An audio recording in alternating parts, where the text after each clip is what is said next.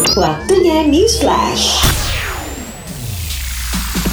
Hai, Jody Hendrarto balik lagi di News Flash. Salah satu rapper ternama di Korea Selatan yaitu CL baru saja melakukan comeback dengan karya terbarunya. Dilansir dari PramborsFM.com, setelah merilis single terbaru, dia dikabarkan telah menandatangani kontrak dengan agensi internasional yang berbasis di London bernama Satelit 414 yang menaungi Beyonce, Adele, Dua Lipa, Halsey, Ellie Goulding, Lana Del Rey, Z, Normani, serta boy group K-pop Monsta X. Lanjut ke informasi lainnya, karir solo Lisa, salah satu anggota girl band Blackpink, ditunggu banyak penggemarnya. Album solonya yang bertajuk La Lisa telah cetak rekor gemilang meskipun belum dirilis. Album solo dari Lisa telah mencatatkan penjualan lebih dari 700 ribu buah dalam fase pre-order. Angka tersebut membawa Lisa pecahkan rekor penjualan pre-order terbesar untuk artis solo K-pop. Lanjut ke informasi dari dunia perfilman, proses syuting film Black Panther Wakanda Forever telah dimulai beberapa waktu yang lalu.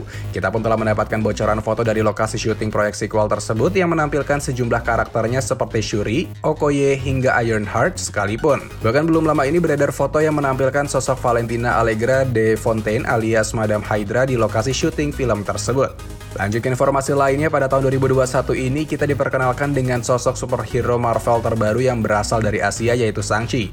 Superhero yang jago bela diri tersebut diperankan oleh aktor Simu Liu yang juga memiliki darah Asia. Menariknya sebelum memerankan sosok Shang-Chi di MCU, Simu Liu ternyata sempat menjalani profesi sebagai Spider-Man. Bukan berperan dalam film, Liu pernah menjalani sebuah profesi sebagai pengisi acara ulang tahun anak-anak dengan menggunakan kostum Spider-Man.